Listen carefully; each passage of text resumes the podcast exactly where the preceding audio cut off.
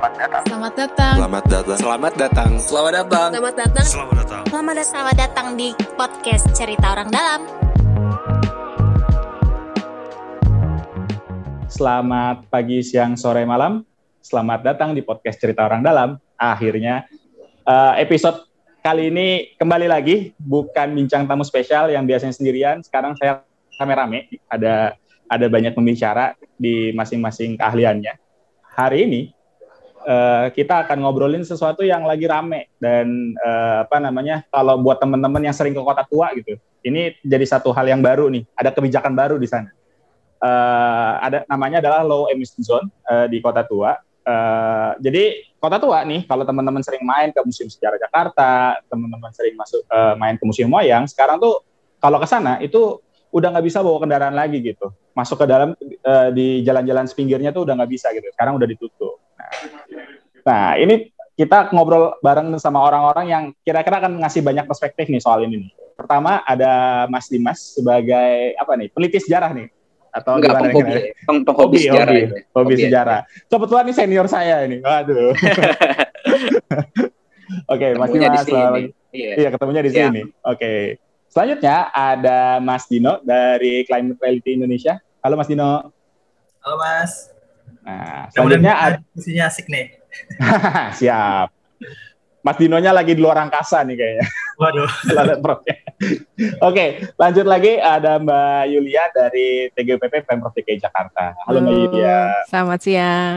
siang. Nah, lanjut nih. Oke, tadi kan kita ngomongin eh, low emission zone di kota tua. Kita ke Mas Dimas dulu deh, mungkin ya pertama. Ya. Eh, Sebenarnya kalau kita secara singkat ya, kira-kira kota tua tuh awal mulanya tuh gimana sih? Maksudnya, eh, apakah dulunya ya memang eh, udah jadi orang rame di situ dan orang banyak berkeliaran di situ atau gimana tuh? Kalau mungkin secara singkat di kota tua sebenarnya awalnya gimana sih? Eh, saya ambil ini aja ya, abad 18 aja ya. Hmm. Jadi eh, setelah apa namanya ya ada peperangan ini itu pada tahun 1617 kan antara VOC dan dan Kerajaan Banten, Kesultanan Banten habis itu dan jadilah Batavia pada saat itu ya eh, Batavia dalam ben- bentuknya bukan langsung ujuk-ujuk jadi kota. Hmm. Jadi jadi ben- eh, dia bentuknya bentek jadi beberapa ada ada basin-basinnya dan di cikal bakal Batavia ini ya eh, nggak cuman cuman bangunan bangunan bangunan bangunan untuk peperangan aja jadi beberapa Oke. ada yang fung- fungsinya ada fungsinya masing-masing seperti ada gereja oh ya. terus juga ada tempat mungkin penimbun harta ya saya saya agak lupa sih bagian situ dan pada abad 8 ab- pada, abad 19 ya mulai berkembang lah itu Eh, karena banyaknya perusahaan-perusahaan asing masuk Hmm.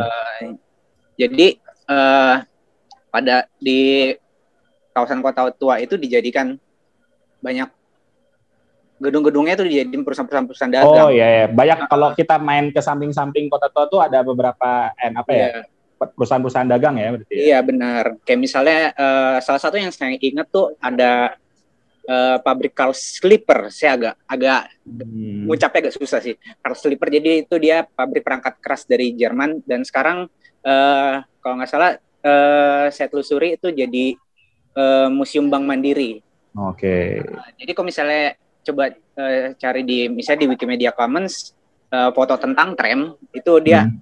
nah, ada latar belakangnya. eh, Oh latar belakangnya adalah perusahaan perusahaan itu Nah, ya. ada Carl Slipper itu juga di situ yang yang paling paling saya tahu tuh ada pasar ikan kan Hmm. nggak jauh dari situ lah pasar ikan dan di situlah eh, kesibukan kesibukan tuh ada Tapi berarti eh, Batavia eh, berpusatnya dulu di situ ya berarti ya.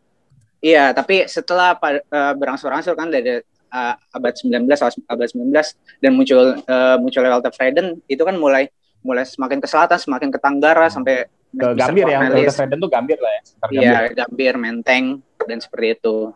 Dan ya muncul-muncul lah infrastruktur infrastruktur yang lain, eh, sarana-sarana hiburan seperti kayak misalnya di Rentuin Cikini, kebun binatang Hmm. Cikini, seperti itu. Oke. Nah, ya menarik nih Mas. Eh, Mas Dimas ngomong tadi terkait infrastruktur gitu. Sebenarnya kalau uh, Mas Dimas sendiri ini kan uh, bisa dibilang dulu sempat meneliti terkait transportasi ya, transportasinya Batavia gitu. Sebenarnya awal mulanya tuh orang orang-orang kolonial ini ngebangun Batavia tuh kayak gimana sih maksudnya terkait tata ruangnya, terkait sistem transportasinya itu. Tadi kan kata Mas Dimas bilang awalnya dulunya semuanya berpusat di kota tua gitu. Terus akhirnya hmm. berkembang kualitas Ferdinand. Berarti kan perlu transportasi, perlu tata ruang yang lebih baik. Nah itu gimana tuh dulu?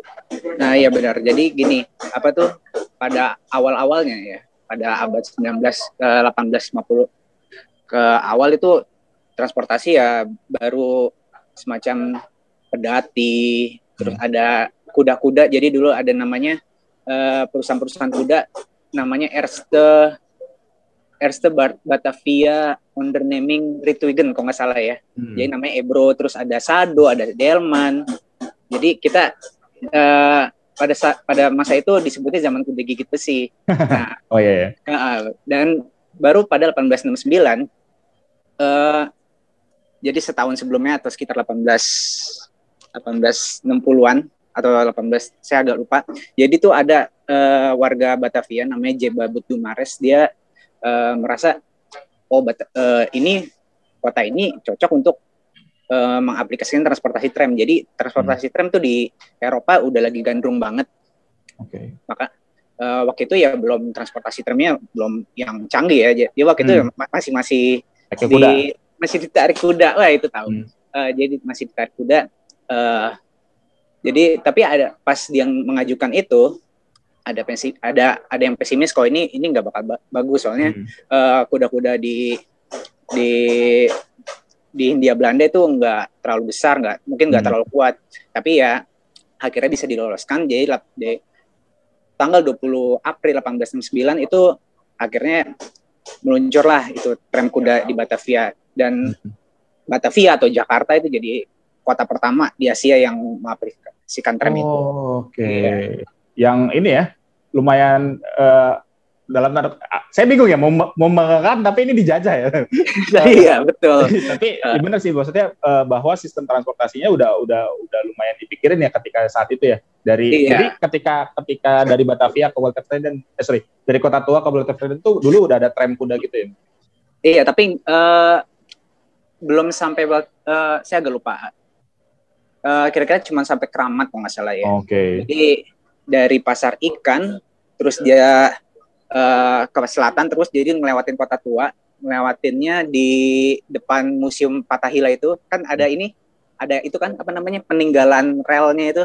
Nah, Oke. Okay. Di situlah jadi dia belok belokan gitu, belokan. Hmm. Belokan terus lurus terus ke arah Molenfleet atau di daerah Glodok Plain, Glodok. Hmm. Lurus terus ke Harmony baru di situ dia ada saya lupa bercabang. Jadi uh, ada ada yang ke arah Tanah Abang ada yang ke arah daerah Keramat seperti itu. Hmm. dan seperti itu sampai sampai tahun-tahun berikutnya itu mulai mengembang sampai ke Mister Cornelis. Apa saya harus lanjutkan nih? Oh lanjut aja nah, jadi, lanjut aja ya. Jadi uh, jadi 1869 itu kan uh, di operatornya sama Batavia Tram Tramsway Maskapai. Hmm. Tapi ya karena tram kuda itu kan uh, masanya sangat masanya sangat sebentar ya soalnya karena banyak permasalahan pada masa itu. Hmm. Uh, kudanya banyak yang mati jadi hmm. pernah ada suatu kasus 1872 kalau nggak salah. Jadi sekitar ada 200 atau berapa kuda gitu yang mati dalam setahun. Juga uh, karena Akhirnya akhirnya itu jadi uh, pindah yeah. ke listrik itu berarti ya, Mas? Oh, Atau belum. Gimana ya? Saya lupa. Bel oh, belum. sorry, kok listrik uh, apa? Uh, uap, uap ya? Uap. Uap. Uap. Uh, uh, juga selain banyak kuda yang mati, juga jadi kuda-kuda tuh ya, kuda-kudanya kan kuda-kuda kecil ya. Dari Sumbawa, dari Medan. Hmm. Uh, juga karena apa namanya? urin kuda itu bau juga jadinya kan hmm. jadi permasalahan juga juga karena uh, ada tem, uh, relnya tuh kan rel tram kuda juga ke arah Tanah Abang. Jadi waktu itu Tanah hmm. Abang itu kan uh, bukit ya. Hmm. Dia daerah daerah berbukit jadinya dia hmm. kadang-kadang harus pakai kerbau hmm. mengangkut waggonnya. Ya? Iya, supaya lebih kuat. Baru ya setelah banyaknya permasalahan itu akhirnya mulai berangsur-angsur ke tram uap. Saat itu ya uh, nggak nggak langsung dimatikan ini tram kuda. Jadi kalau nggak salah, jadi tram itu 1881, tram kudanya itu 1882 kalau nggak salah ya. Saya agak Hmm. lupa. Soalnya eh agak kurang agak kurang ini enggak agak kurang tepat juga. Juga ini juga eh dari Ba- Batavia Transway Maskapai itu dia berganti ke Netherlands Indies Trans- Transway Maskapai sebagai operatornya. Gitu. Hmm.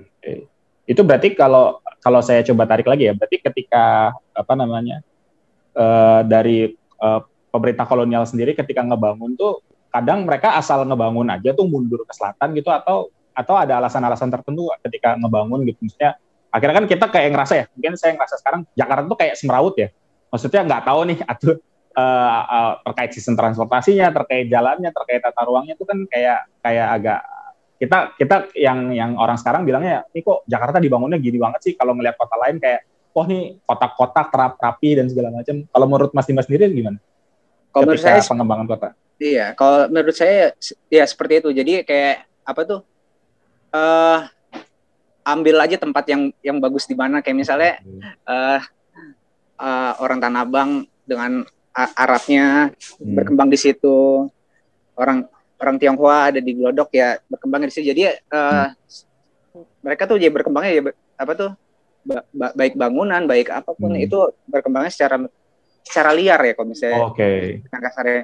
Jadi ya eh, jalur-jalur tram ini tuh jadinya mengikuti eh, tempat-tempat yang yang, yang rame aja ya yang rame aja dan oh jadi dan juga menyentuh-menyentuh pasar juga juga Hmm. kan. Nah, eh, menarik nih Eh, tadi ada obrolan dari Mas Dimas bahwa tadi pembangunan kota Batavia ini bisa dibilang nggak bukan satu pembangunan yang terstruktur gitu loh. Nyambung ke Mas Dino nih, ketika kita ngomongin eh, kot, kan ada yang bilang gitu bahwa ya kalau supaya biar kita apa namanya rendah apa namanya eh, ramah lingkungan, rendah emisi gitu. Ketika ngomongin satu kota yang rendah emisi dan ramah lingkungan harus eh, kalau ngomongin kota-kota di luar negeri kan dibilang ya itu udah teratur gitu, udah udah terstruktur dengan baik gitu. Ketika kita ngomongin Indonesia, ah nggak bisa nih kalau kota Jakarta berantakan gitu strukturnya, transportasinya berantakan. Kita ngomongin misalkan kota-kota di Jakarta atau kota-kota lain di daerah Indonesia gitu. Nah, menurut Mas Dino sendiri nih, ketika sebagai eh, yang memang bergelut di lingkungan hidup, kan ada yang suka pakai alasan itu ya supaya bilang ah ya udahlah kita pakai mobil aja, kita pakai kendaraan aja karena nggak mungkin nih kita ngomongin rendah emisi atau ramah lingkungan gak usah sebagai negara, negara berkembang gak usah ngomong-ngomong gitulah gitu. Ada yang bilang itu gimana Mas Dino?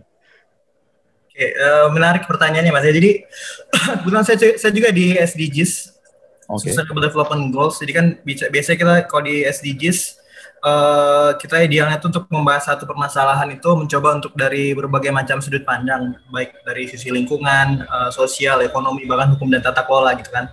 Nah untuk bahas eh, masalah Jakarta ataupun pola-pola pengembangan kota di Indonesia ini tuh eh, menurut saya sangat menarik ya kasusnya tuh eh, mungkin beda dengan pola pengembangan kota-kota lain di negara-negara lain di seluruh dunia ya. Jadi t- tadi bahas Dimas sudah bahas juga eh, tadi bahas sedikit tentang apa ya tentang eh, gimana Jakarta dikembangkan termasuk juga transportasinya di zaman penjajahan Belanda ya di zaman daerah Batavia. Eh, mungkin juga ada clue sedikit tadi ketika ngebahas tadi ada Glodok dengan etnis Tionghoa dan juga mungkin di Tanah Abang mungkin dengan etnis Arab segala macam. Eh, pola pengembangan di kota-kota di Indonesia memang dulu tuh agak dalam tanda petik eh, kita tuh ibaratnya disegregasi gitu terpisah Hmm. golongan ini masuk sini pribumi lah sujud tentara orang kelas 2, kelas ketiga segala macam dan emang tuh jadi mungkin beda pola pengembangannya dengan di kota Paris ataupun New York dan lain-lain yang mungkin mereka dengan bisa menata karena mereka cenderung lebih apa ya lebih homogen segala macam Lebih rapi juga ya. lebih rapi gitu kan nah, Ah. kita tadi tuh eh, jadi dalam tanda petik agak semi acak gitu ya nah, nah meng- eh, mengenai tadi kebiasaan juga eh, ini agak menarik juga sih mas. Jadi mungkin eh, ada semacam apa ya semacam tuntutan gaya hidup juga di di masyarakat kita juga. Seakan-akan bahwa eh, memiliki kendaraan itu menunjukkan status juga tuh. Ya. bahkan sekarang kalau kita lihat juga ada fenomena juga eh, kita mau ramah lingkungan pun dilihat juga. Misalnya kita misalnya saya ini mau naik sepeda gitu ya Eh, dilihat juga nih sepeda lu tuh apa gitu ya? Harus 30 juta, Mas. nah gitu kan kalau misalnya waktu saya pakai sepedanya yang nggak dilipat yang cuma satu juta masih nyicil malu nih untuk apa segala macam jadi uh, mindset kayak gitu emang emang nggak harus diakui juga uh, masih melekat di masyarakat kita juga dilihat lu pakai apa segala macam dan akhirnya tuh ya jadi menyasar ke sana gitu jadi baratnya uh, ketika kita ingin dihadapkan ketika kita masuk ke bicara ekonomi lagi terus kan masalah pilihan ya hmm. uh, pilihan itu bisa muncul ada ketika kita memiliki banyak pilihan dan kita memiliki sumber daya untuk berlebih misalnya mas. Nah kita dihadapkan pada pilihan misalnya ada kendaraan umum yang mungkin lebih ramah lingkungan, tapi mungkin biayanya juga lebih rendah, tapi mungkin nggak hmm. menaikkan prestise ataupun ada value tertentu hmm. yang bisa diterima oleh masyarakat. Tapi di sisi lain mungkin lu pakai mobil uh, nyicil 20 tahun atau apa gitu, selama terlihat yang keren. prestis ya.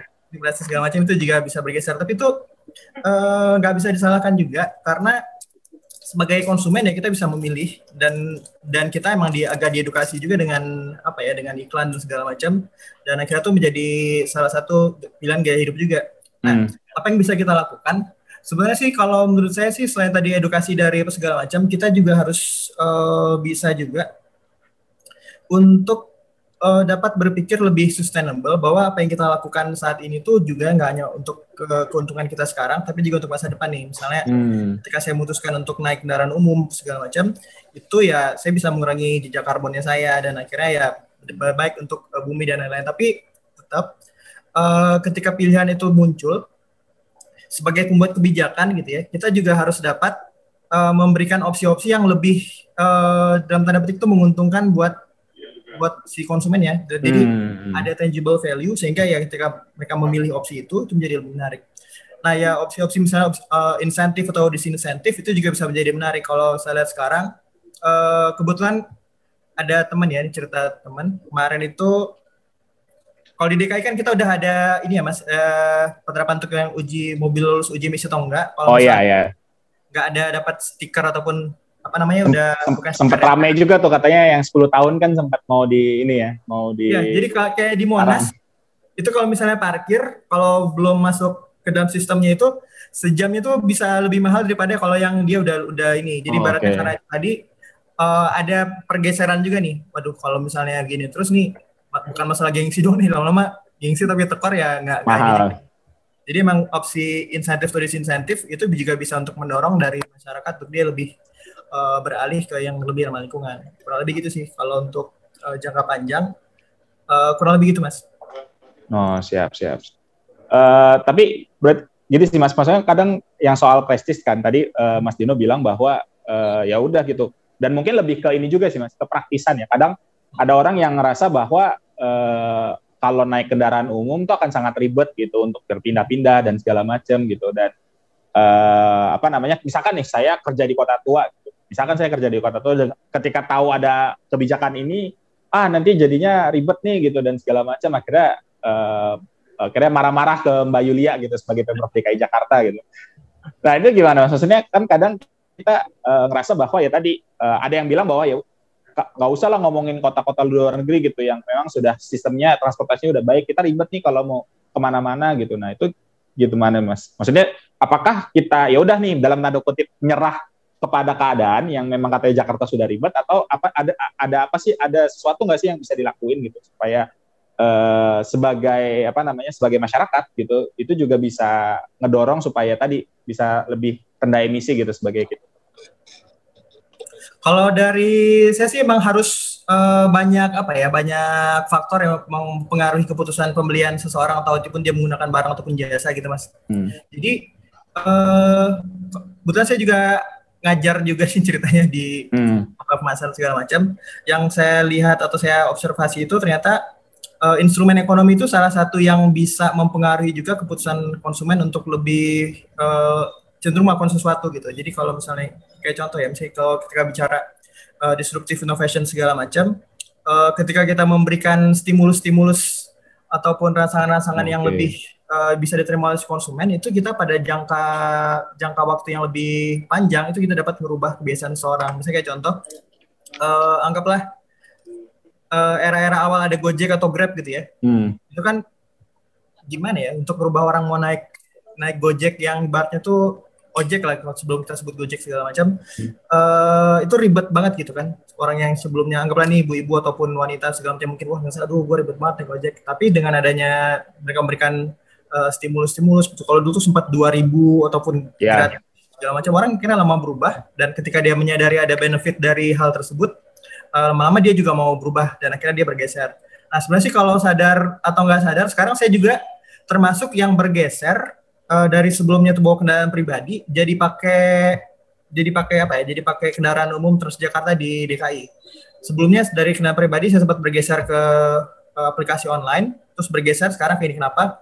Uh, karena tuh jauh lebih murah mas. Jadi sebagai contoh hmm. nih, anggap nih saya kerja di balai kota dari hmm. segala macam itu hanya 3.500 itu udah bisa nyampe dari Trans Tanah Abang ke balai kota misalnya.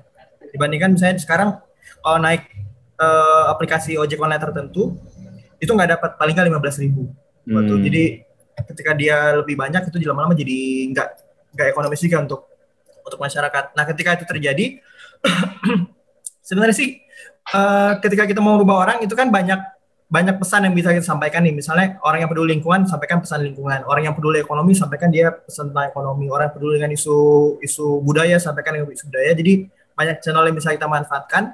Value proposition mana yang bisa diterima oleh dia? Sementara apa ya uh, dan yang taruhnya pada akhirnya kan dia melakukan perubahan perilaku. Jadi baratnya ketika dia bergeser ke sana, mau itu motifnya karena ekonomi, mau karena itu hmm. ramah lingkungan atau segala macam, ya nggak apa-apa karena Indian dia melakukan perubahan perilaku kayak gitu sih. Banyak juga teman saya mungkin secara nggak sadar dia berubah. Ini bukan karena dia peduli lingkungan gitu, bukan karena, karena murah, lebih murah aja ya. Karena lebih murah aja gitu. Ya. Tapi pada saat dia bergeser ya ya nggak masalah kan. Karena memang begitulah yang yang terjadi di di konsumen. Nah, menarik nih. Uh, ini berarti balik ke motif ya, Mas, Mas Dina. Nah, saya mau nanya nih ke Mbak Yulia nih. Uh, kira-kira apa sih motif dan latar belakang nih? Uh, kira Pemprov DKI Jakarta kepikiran. Kayaknya seru nih kita tutup kota tua buat kendaraan gitu. Awal mulanya dari mana tuh akhirnya kepikiran buat buat lakuin itu? Iya, uh, terima kasih banyak nih. Uh, apa diskusinya seru banget nih Mas Nobi, Mas Dimas dan Mas Dino berbagai perspektif saya juga dapatkan. Jadi sebenarnya kita uh, motivasi kenapa ada low emission zone itu sebenarnya karena motivasi pemerintah provinsi DKI Jakarta yang ingin meningkatkan kualitas udara yang ada di hmm. DKI Jakarta. Simpelnya itu dan uh, apa namanya uh, Kota Tua dipilih uh, sebagai pilot pertama itu mulai 8 Februari 2021. Correct me if I'm wrong. Seingat saya 8 Februari 2021. Uh, dan ketika pada saat uh, eh, LEZ ini sebenarnya motivasi utamanya adalah karena uh, salah satu sumber utama pencemar udara terbesar di DKI Jakarta itu adalah dari sektor transportasi. You believe it or not, that's the fact. Memang sih dari studi yang dilakukan itu ada sedikit perbedaan ya Mas Tobi antara pada saat musim hujan dan pada saat musim kemarau. Itu ada sedikit perbedaan uh, kontribusi. Tapi uh, overall above above all itu hmm. uh, sektor transportasi masih menduduki peringkat pertama kontributor hmm. terbesar untuk polusi udara dan emisi karbon sebenarnya. Sehingga karena masalah utama kita di sana dan uh, melihat sektor transportasi memiliki kewenangan tinggi bagi pemerintah daerah untuk melakukan intervensi, maka dipilihlah uh, beberapa uh, apa aksi yang bisa dilakukan di sektor transportasi. Nah, LEZ adalah salah satu yellow emission zone atau zona rendah emisi. Kota Tua dipilih sebagai pilot pertama dan sebenarnya uh, saat ini pemerintah provinsi juga sedang mengevaluasi uh, Kota Tua, program di Kota Tua dan juga kita sedang mengevaluasi kira-kira adakah wilayah lain di DKI Jakarta yang bisa diterapkan sebagai LEZ. Jadi ada replikasi-replikasi. Nah, surprisingly uh, kami melakukan studi uh, sebelum LEZ diterapkan dan sesudah LEZ diterapkan. Hasilnya adalah di DKI itu menggunakan indeks standar pencemar udara. Kalau hmm. uh, teman-teman sekalian tahu atau ISPU biasa disebutnya. Nah, ISPU pada saat sebelum uh, 8 Februari itu kita menunjukkan uh, sedang. Jadi uh, apa namanya? Jadi di ISPU itu kan ada mulai dari sangat berbahaya sampai baik begitu kan uh, indeksnya. Indeks kita di sedang gitu. Nah, ketika uh, LIZ ditetapkan 8 Februari dan kemudian sekarang setelah dievaluasi kondisi kualitas udara di Kota Tua dan sekitarnya itu baik, selalu cenderung okay. indeksnya itu baik. Berarti kan ada uh, dengan adanya LIZ ini uh, kita uh, memberikan dampak pada peningkatan kualitas udara. Ini motivasi kita nih tercapai. Itu satu.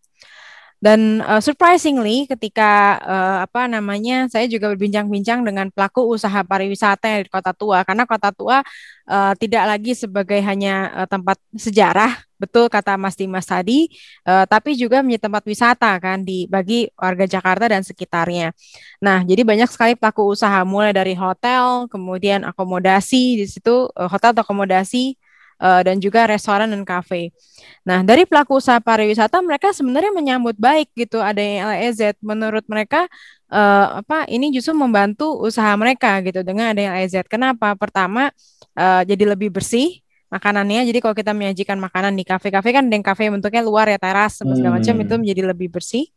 Dan yang kedua meningkatkan walkability untuk pengunjung yang ada di sana sehingga kalau kita jalan-jalan uh, otomatis kita akan mampir-mampir sebenarnya. Nah, ketika mampir-mampir itulah peluang yang ditangkap oleh pelaku usaha pariwisata. Jadi memang itu. Tapi ada kontranya juga karena di sekitar wilayah kawasan Kota Tua itu uh, saat ini banyak sekali uh, apa namanya uh, usaha logistik ya, usaha hmm. uh, logistik freight and logistik.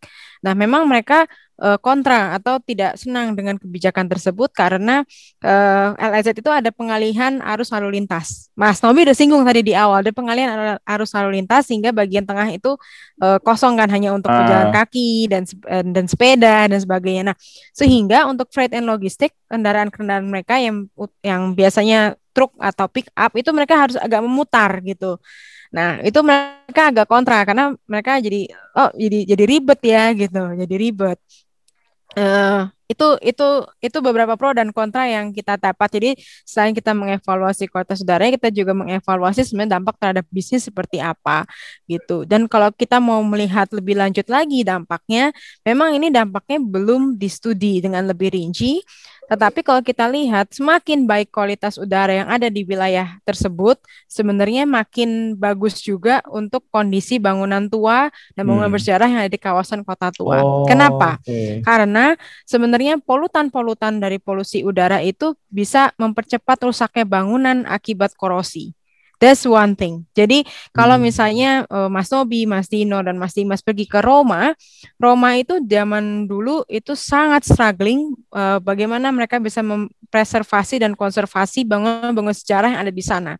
Karena uh, di sana kan banyak sekali ya kalau kita lihat Roma kan banyak banget ya ininya uh, bangunan bersejarahnya atau patung-patung yang ada di piazza segala macam itu eh, baik eh, bangunan yang mereka menggunakan eh, limestone atau batu kapur mengandung bat, mengandung itu atau bang atau patung-patung atau objek yang eh, dibuat menggunakan perunggu itu rusak mengalami korosi hebat rusak dan itu kan menjadi kultural heritage negara Italia dan juga kota Roma sendiri. Nah, akibatnya uh, itu akibat polusi udara. Jadi uh, memang gas buangan kendaraan itu sehingga akibatnya uh, pemerintah Roma berpikir akhirnya gimana ya kita bisa ini ya. Makanya ada daerah-daerah yang biasanya pusat kota dan itu dipenuhi bangunan bersejarah itu akhirnya dibikin steril dari uh, apa namanya kendaraan um, kendaraan bermotor gitu. Jadi hmm. kalau di pemerintah kota yang bisa dilakukan adalah kita tidak bisa mencegah tadi yang kayak Mas Dino bilang kita kita bisa mencegah masyarakat beli kendaraan.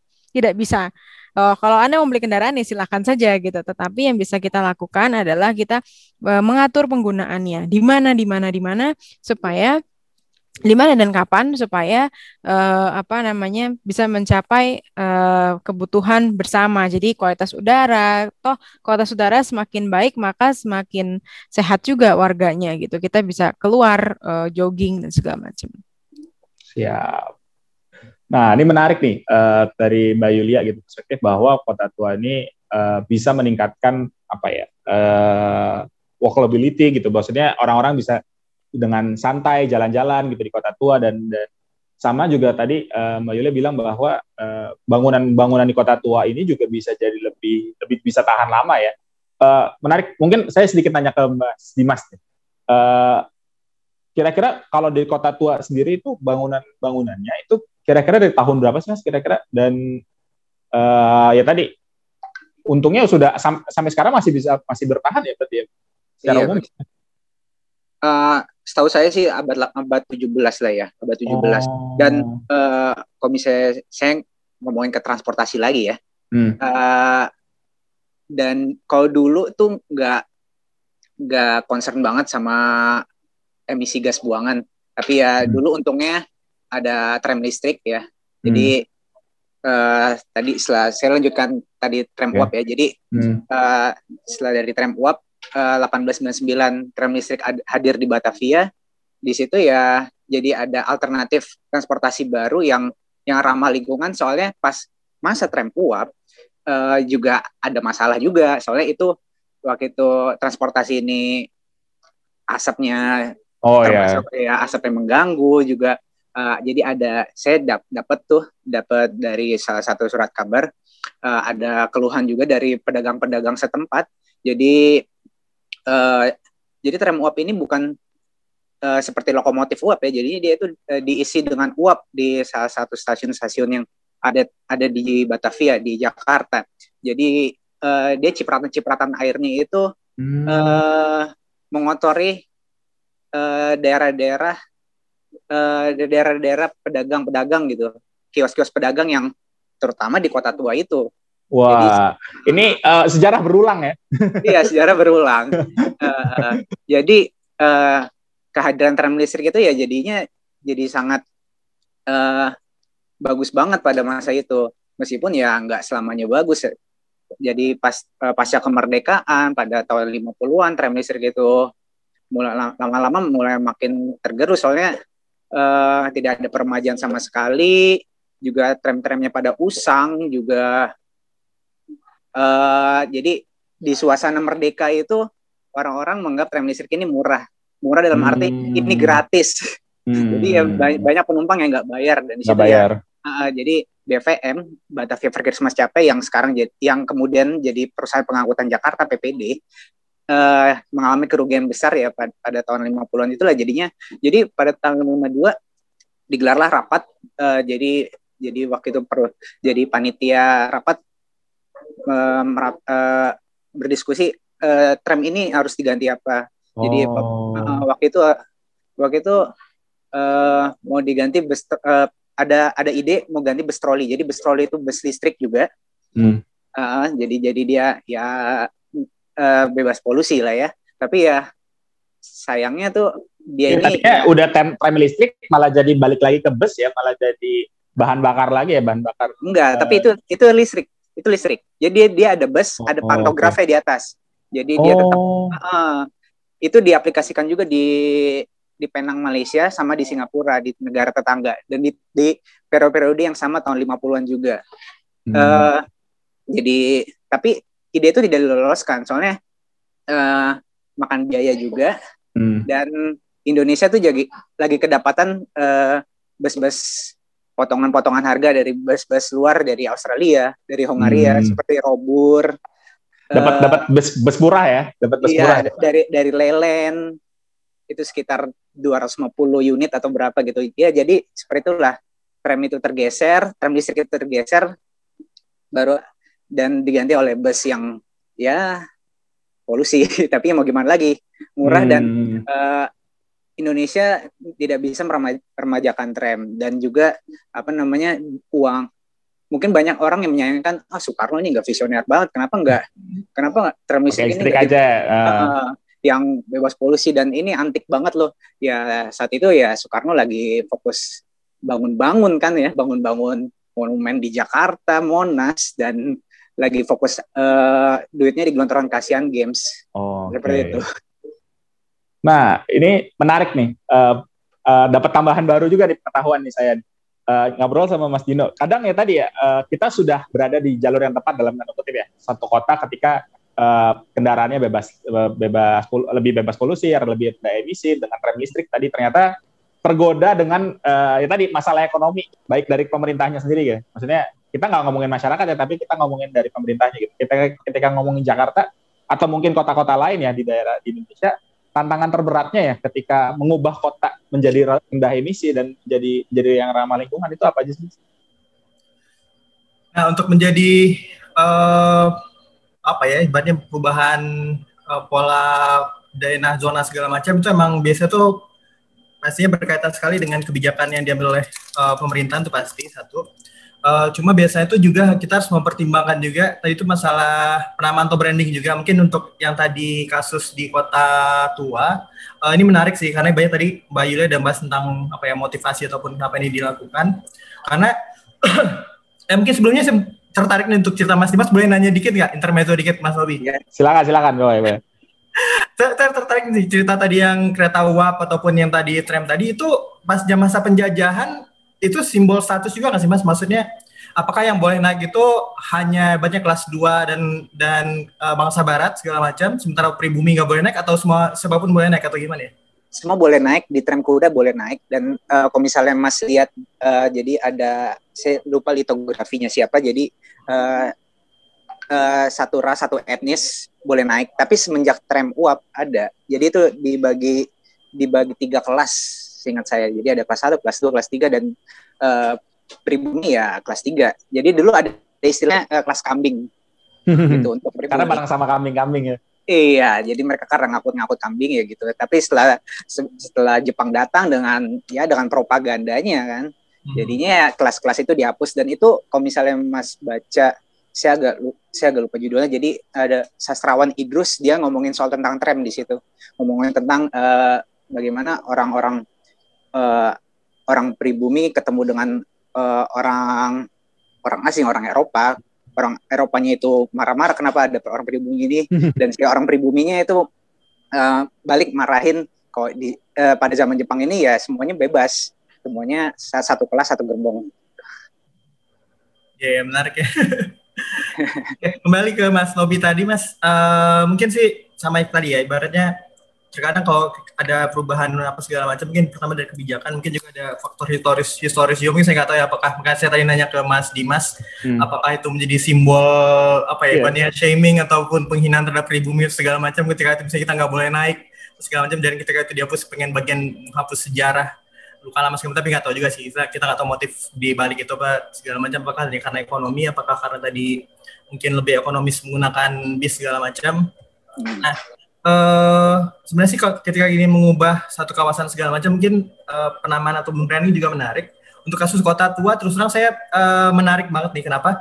Untuk di kota tua sebenarnya sih konsep kota-kota besar ataupun kota-kota yang sudah matang seperti Jakarta atau tadi Bu Mbak Yulia dibahas tentang Roma segala macam saya juga pernah ke Madrid, uh, Warsaw segala macam. Uh, mereka juga punya kawasan-kawasan uh, old city ataupun kota-kota tua mereka di mana kita emang di sana uh, dipancing dalam tanda petik untuk jalan. Uh, pernah ke Toledo juga mantan ibu kota Madrid. Di situ emang konsepnya uh, mereka nggak brandingnya tuh sebagai kota apa ya atau kawasan rendah emisi karena emang dia mem membrandingnya itu emang sebagai kawasan uh, wisata ataupun bahkan masuk ke apa ya uh, heritage UNESCO segala macam di mana kita emang ke sana tuh tujuannya adalah untuk wisata karena emang ketika satu kawasan tertentu menjadi berkembang uh, lebih melebihi apa ya melebihi perencanaan awalnya anggaplah mungkin kota tua uh, mungkin pusat bisnis atau pusat pemerintahan di waktu di waktu apa ya di waktu zaman Batavia Belanda penjajahan segala macam sekarang berkembang menjadi uh, bisnis ada toko-toko di sana segala macam. Dan akhirnya ya semuanya menjadi tumpang tindih. Ibaratnya hmm. tadi ada juga jasa pengiriman segala macam. Karena memang harus diakui sana juga banyak orang yang jualan di sana. Tapi ketika kita membranding apa uh, Toledo gitu ya sebenarnya Toledo. Di sana kita memang masuk ke ibu kota Madrid zaman dulu eh ibu kota Spanyol zaman dulu di kita jalan aja gitu. Dan kita di sana benar-benar untuk wisata kita belajar sejarah mereka kenapa sih mereka pindah dari Toledo pindah ke Madrid segala macam. Nah mungkin itu mungkin jadi potensi yang bisa digali juga sehingga nanti ketika kita ke melewati kota tua itu nggak hanya masalah uh, kita ingin mengurangi emisi aja nih, tapi juga kita belajar sejarah, kita juga belajar tentang perjuangan bangsa Indonesia waktu itu kita tahu musim Fatahillah itu kenapa ada di sana uh, siapa itu Fatahillah segala macam. Mungkin perlu ada juga mungkin uh, apa ya uh, reenactment kejadian-kejadian masa lalu. Jadi kalau sekarang kan uh, misalnya sih masih agak kurang terkonsep. Misalnya uh, kita ke sana udah nyewa ontel aja gitu. Tapi nggak nggak ada story di balik itu segala macam. Mungkin kalau perlu uh, Mbak Yulia sama Mas Dimas kita wah bikin nih.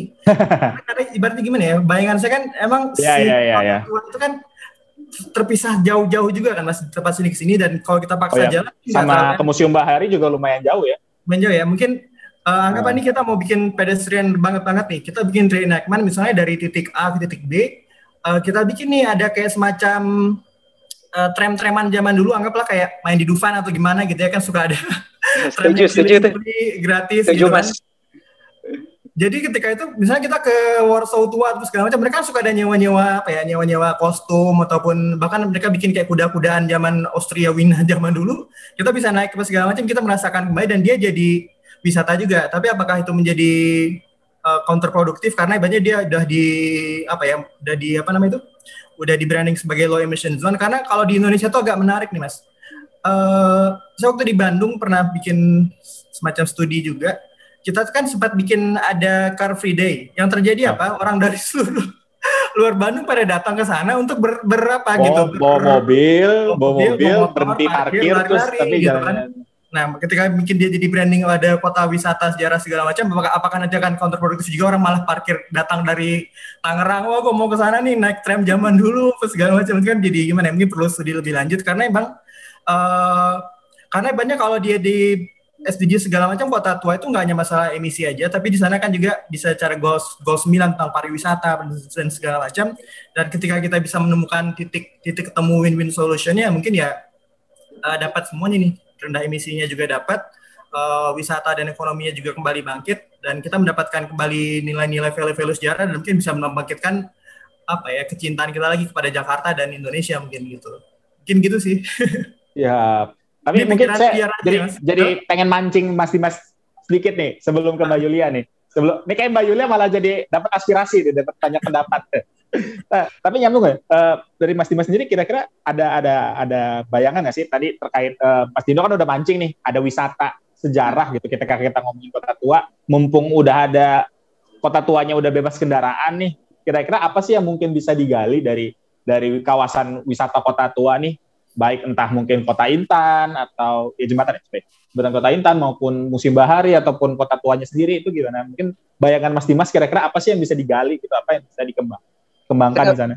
saya nggak bisa berhenti senyum nih mas Timo tadi bagus banget mancingnya Eh, jadi kebetulan Mas Saya kan- ya. jadi saya kan ngeriset trans eh, transportasi tram ini tentang riset transportasi tram di Jakarta ini dari skripsi habis itu saya jadi naskah buku kan ya. Ya insya Allah tahun ini terbit mungkin. Promo ya, promo ya. promosi Eh, jadi eh, di dalam naskah saya saya sih berharap kalau ini tram ini setidaknya bisa lah cocok jadi kendaraan wisata gitu loh. Jadi soalnya eh, ini bukan bukan apa apa ya soalnya di di di Turki pun Turki pernah eh, pada abad yang sama eh, dia mengaplikasikan tram di Istanbul. Habis itu dia tahun tahun 60-an dia juga eh, mematikan tram Eh, tapi dia membangkitkannya lagi. Selain untuk transportasi kota yang yang tapi udah udah udah udah canggih ya tramnya dia juga membangkitkan tram yang yang udah lama sebagai tempat sebagai eh, sarana wisata di salah jalur Taksim Tunnel atau apa gitu. Saya agak lupa juga eh, di San Francisco pun seperti itu. Itu kan udah dari tahun 1800-an dan sekarang masih awet aja dan itu ya jadi ciri khasnya San- Francisco sekarang sampai sekarang gitu kan tram itu. Seperti itu. Jadi ya saya harap ya ya mungkin cocok kali ya. Apalagi eh, waktu itu sebenarnya awalnya saya nganggap wah tra- tram tram dibangkitin lagi sebagai tempat wisata di kota tua tapi ya kota tua kan waktu itu semerawut tapi ya sekarang Tramnya udah keliling-keliling ini aja ya, tramnya Iya, keliling kota tua gitu ya. dia dibuat keliling aja gitu orang-orang saya, saya rasa pada pada seneng ngeliat wah ini ada tram seperti itu Ya. Nah, nih ada ada aspirasi-aspirasi. Dari Mbak Yulia sendiri tanggapannya gimana Mbak Yulia? Eh, kira-kira ya tadi eh, mungkin saya saya saya gambar ini ya. Kira-kira gambaran ke depannya nih dari kota tua itu akan dibawa ke mana sih? Iya, kalau gambarannya dari kota tua, eh, sebenarnya kebetulan saya juga eh, apa terlibat dalam isu pariwisata juga sebenarnya di Pemprov DKI Jakarta. Jadi eh, pembahasan siang ini nih yang tadi dipancing Mas Dino, pancing Mas Dimas itu sebenarnya cocok sih. Jadi eh, jadi saya bisa melihat dari pertama sisi lingkungan, dari sisi pembangunan dan sekarang dari sisi pariwisata gitu. Eh, untuk kota tua ke depannya memang eh, banyak sekali hal yang ingin dilakukan, terutama dari sisi pariwisata. Yang pertama adalah eh, kita tentunya ingin melibat melibatkan uh, para pemangku kepentingan terkait, stakeholder, dan juga uh, investor yang mungkin tertarik untuk sebenarnya kita sama-sama mengembangkan kembali kota tua. Hmm. Uh, karena kalau dari sudut pandang pariwisata, kota tua memiliki potensi yang uh, cukup banyak cukup tinggi, cukup baik baik dari nilai sejarah maupun adaptive reuse. Kalau kita menggunakan istilah tersebut di heritage ya, itu kan adaptive reuse uh, dan juga uh, sebenarnya uh, banyak hal lainnya gitu. Jadi pertama melibatkan stakeholder untuk kira-kira bisa nggak kita mengaktifasi gitu bangunan-bangunan ada di kota tua bersama-sama dengan pendekatan adaptive reuse tadi sehingga uh, kota tua ini bisa menjadi lebih live gitu. Karena banyak uh, kebanyakan uh, apa pemerintah daerah uh, atau mungkin mungkin tidak hanya pemerintah daerah tapi stakeholder itu ketika melihat pariwisata atau bangunan bersejarah itu yang mereka pikirkan hanyalah dari sisi turisnya saja turis yang datang hmm. ke sana berwisata tetapi kalau kita mau sustain balik lagi ke ke topiknya Mas Dino kita mau sustain ya target market kita target pasar kita jangan hanya turis gitu tetapi justru orang yang tinggal di sana bangunan-bangunan bersejarah ini bisa dimanfaatkan apa gitu. Misalnya dimanfaatkan sebagai uh, apa restoran, dimanfaatkan sebagai uh, komersial atau apa, tapi tetap uh, mempertimbangkan tadi aspek sejarahnya sehingga fasadnya atau uh, apa nilai sejarahnya itu tidak berkurang atau tidak tidak tidak berubah kan seperti itu. Jadi uh, PR besar yang sedang dilakukan adalah itu pertama. Jadi dari sisi kualitas udara atau lingkungan itu sudah uh, tercapai dan akan dimonitor terus. Tapi yang kedua adalah bagaimana uh, ini tidak hanya menjadi tempat pariwisata saja, tapi juga bisa memberikan nilai tambah bagi pembangunan kota Jakarta ke depannya. Sebenarnya, hmm, itu oh, itu PR besarnya di kota tua. Hmm. Uh, karena kalau kita lihat misalnya di negara di kota-kota lain di dunia yang memiliki wilayah bersejarah itu kan sangat hidup sekali ya. Maksudnya tidak hanya tidak hanya apa tidak hanya turis yang ke sana tapi warga warga kota sendirinya pun juga oke okay, kalau saya mau ke City Hall yang bangunannya bersejarah saya mau perpustakaan yang bangunannya bentuknya seperti itu gitu jadi ya seperti itu memang ya udah terpancing gitu, sudah dapat inspirasinya. Tapi uh, mungkin ini ya uh, sebagai penutup ya, uh, kayak saya pengen ngobrol uh, dengan Mas Dino dan Mas Dimas gitu. Kira-kira harapannya dengan uh, kita kan sudah sudah ada uh, kok ya tadi nih uh, low, emission, low emission zone, aduh rendah emisi gitu, rendah emisi di kota tua gitu, uh, kawasan rendah emisi di kota tua. Uh, kira-kira harapannya dari situ dan mungkin ke Jakartanya sendiri ya status Jakartanya sendiri itu seperti apa mungkin dari Mas Dino dulu kali. Oke, kalau dari sudut pandang low emission zone uh, sebenarnya itu sangat positif sekali. Kenapa menjadi sangat positif? Karena ibaratnya uh, kembali ke ekonomi kita dihadapkan pada pilihan. Sekarang itu ibaratnya inovasi teknologi juga udah banyak. Kita tujuannya anggaplah kamu transportasi. Transportasi ada modanya, ada kendaraannya. Kita punya pilihan menggunakan kendaraan motor pribadi. Ketika kendaraan pribadi juga ada opsi mau itu dia pakai fossil fuel ataupun bahkan listrik ataupun sepeda segala macam. Itu uh, akan sangat bagus sekali dan ketika itu sudah mulai menjadi satu kebijakan, itu diharapkan dapat di, di apa ya diterapkan dan juga diedukasi kepada masyarakat. Masyarakat uh, sadar bahwa itu adalah ke, untuk kepentingan bersama dan ketika itu terjadi mudah-mudahan ya uh, semuanya menjadi lebih baik dan dapat menerima kebijakan itu untuk untuk kebaikan bersama. Ya. Kayak gitu sih mas. Lanjut ke Mas Dimas, harapannya nih buat kota tua sendiri dan mungkin ya uh, apa ya uh, terkait sejarah uh, apa ya uh, restorasi sejarah atau atau tadi mungkin uh, wisata sejarah dari dari kota Jakarta harapannya Mas Dimas gimana? Uh, seperti yang saya bilang tadi ya bangkitin tram lagi itu kayaknya suatu hal yang menarik tapi nggak yeah. cuma bangkitin aja jadi kayak hmm. misalnya anggaplah uh, ada deskripsi, ada monumen-monumen untuk uh, untuk menjelaskan pada uh, adik-adik kita uh, kalau ini adalah suatu bagian dari sejarah Indonesia loh, bukan sejarah Jakarta ya sejarah Indonesia. Dan ini ya ini suatu sejarah yang panjang dan ini ya patut dipelajari, patut diketahui. Gak cuma hmm. oh ini ada tram di Jakarta kayak gini dong ya, nggak nggak gitu. Gak satu hal itu banyak. Jadi tram itu waktu itu uh, uh, membantu nenek moyangmu semua. uh, uh, seperti itu. Siap. Itu tadi, uh, sorry, uh, tram itu tadi Jakarta, eh Batavia adalah kota pertama berarti ya? Batavia kota pertama di Asia. Di Asia Yang- yang punya tram listrik. punya eh, punya tram kuda Oh, punya punya tram tram kuda. Punya tram kuda dan kalau misalnya tram listrik itu dia lebih dulu daripada Belanda Oh, Heeh. jadi eh, Hindia Belanda dulu baru Belanda baru yang- Belandanya sendiri ya. Heeh.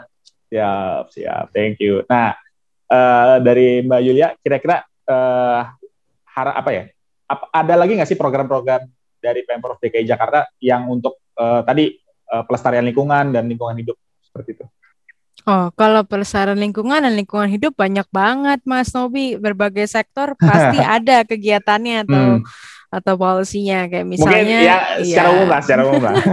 banyak banget. Jadi eh, misalnya dari sampah sendiri ada eh, apa pengolahan sampah 3R gitu kan. Jadi eh, memang dari pemerintah Provinsi DKI Jakarta kita oh, apa namanya menyediakan tempat-tempat pengolahan sampah 3R-nya tapi secara paralel kita juga sebenarnya melakukan kampanye dan eh, edukasi publik supaya masyarakat bisa memilah sampahnya dan mengurangi sampah dari sumbernya. Satu itu satu. Kemudian juga tadi sudah disinggung mengenai eh, kendaraan berbasis listrik. Nah, bus Hmm. listrik itu eh, apa namanya juga Udah kita ada ya? akan Satu dua, satu dua udah ada kan kalau nggak salah ya? Iya, uji jalan. coba sudah ada dan eh, apa namanya Insya Allah eh, akhir tahun ini kita punya 100 bus listrik. Jadi ada Mantap. bus eh, BRT Transjakarta itu eh, sebagian ada 100 yang eh, sudah menggunakan eh, berbasis listrik. Ya, Tamiya gede ya, Tamiya gede. Betul, kendaraan berbasis rel yang tadi eh, Mas Dimas sebutkan. Jadi eh, penggantinya tram kita punya dua sebenarnya kan. Yang pertama LRT, yang kedua adalah MRT yang di bawah tanah. Jadi apa jangan sedih Mas Dimas tidak ada tram, tapi kita punya berbasis rel yang lain ada dua dan itu mencakup eh, hampir eh, seluruh Jakarta. Jadi Oh kalau ya, MRT, MRT kan utara selatan. sam- sampai Betul. Ancol ya, Mbak ya? Betul, betul. Jadi sekarang kan Lebak Bulus ke Bundaran HI, nanti Bundaran HI terus sampai ke utara ke Ancol gitu. Itu itu baru baru yang koridor utara selatan gitu kan. Nanti akan ada juga eh, barat timur dan kemudian juga LRT kan akan akan beberapa titiknya eh, di seluruh eh, Jakarta. Jadi eh, tidak usah sedih. Eh, kemudian juga pastinya eh, apa akan terus eh, apa Pemprov Jakarta dalam hal infrastruktur adalah jadi selain transportasinya sendiri, tapi juga infrastruktur yang mendukung mobilitas. Jadi ketika kita bilang transportasi, jangan hanya transportasi, tapi bagaimana orang bermobilitas. Jadi eh, revitalisasi eh, trotoar itu akan jalan terus, kemudian pembangunan eh, jalur sepeda, baik yang permanen maupun pop up itu juga akan jalan. Jadi sebenarnya eh, balik lagi eh, pemerintah yang bisa dilakukan pemerintah adalah kita tidak eh, kita mencoba untuk mengubah paradigma yang tadi Mas Dino juga sudah singgung, mengubah paradigma dari yang tadinya eh, apa sangat auto oriented atau hanya maunya naik mobil menuju ke eh, transit oriented gitu. Jadi kita akan bilang bahwa public transport itu lebih murah, lebih aman, lebih nyaman. Bahkan sekarang untuk wanita kan juga sudah ada bus Transjakarta yang khusus wanita. Bahkan di kendaraan-kendaraan umum berbasis rel seperti kereta komuter line, kemudian eh, apa MRT dan juga LRT pada saat jam-jam sibuk memang ada gerbong yang khusus untuk wanita. Jadi sebenarnya itu sangat inklusif sekali. Wanita dan anak-anak tidak perlu takut eh, apa untuk naik kendaraan umum. Demikian Mas Tobi, banyak sekali Siap. sebenarnya kalau mau di kalau Siap, mau di siap, siap, eh, siap. apa mau disampaikan Ya, ya. tiap sektor tuh pasti Banyak ada ya. gitu. Nah, ya semoga ini di- eh, akan menjadi kebaikan yang seluas-luasnya ya buat warga Jakarta ya supaya kita bisa rasain Jakarta yang lebih sehat lagi. Jadi nggak orang Jakarta ke puncak atau ke Bandung terus buat dapat udara segar ya. Semoga ya, semoga ya eh, kayak kayak jangan cuma musim hujan doang gitu untuk dapat udara segar. Jadi seluruh musim Jakarta bisa dapat udara segar lah. Semoga. Amin. Thank you semuanya. Thank you Mas Dimas, thank you Dino, thank you Nah, Mas thank you. Lia- Mbak Yulia. Eh, dengerin terus cerita kita karena cerita kita ceritanya orang dalam. Bye bye. Hai. Terima kasih. sampai jumpa. semuanya. Assalamualaikum warahmatullahi wabarakatuh. Waalaikumsalam. Waalaikumsalam. Sip, thank you, thank you.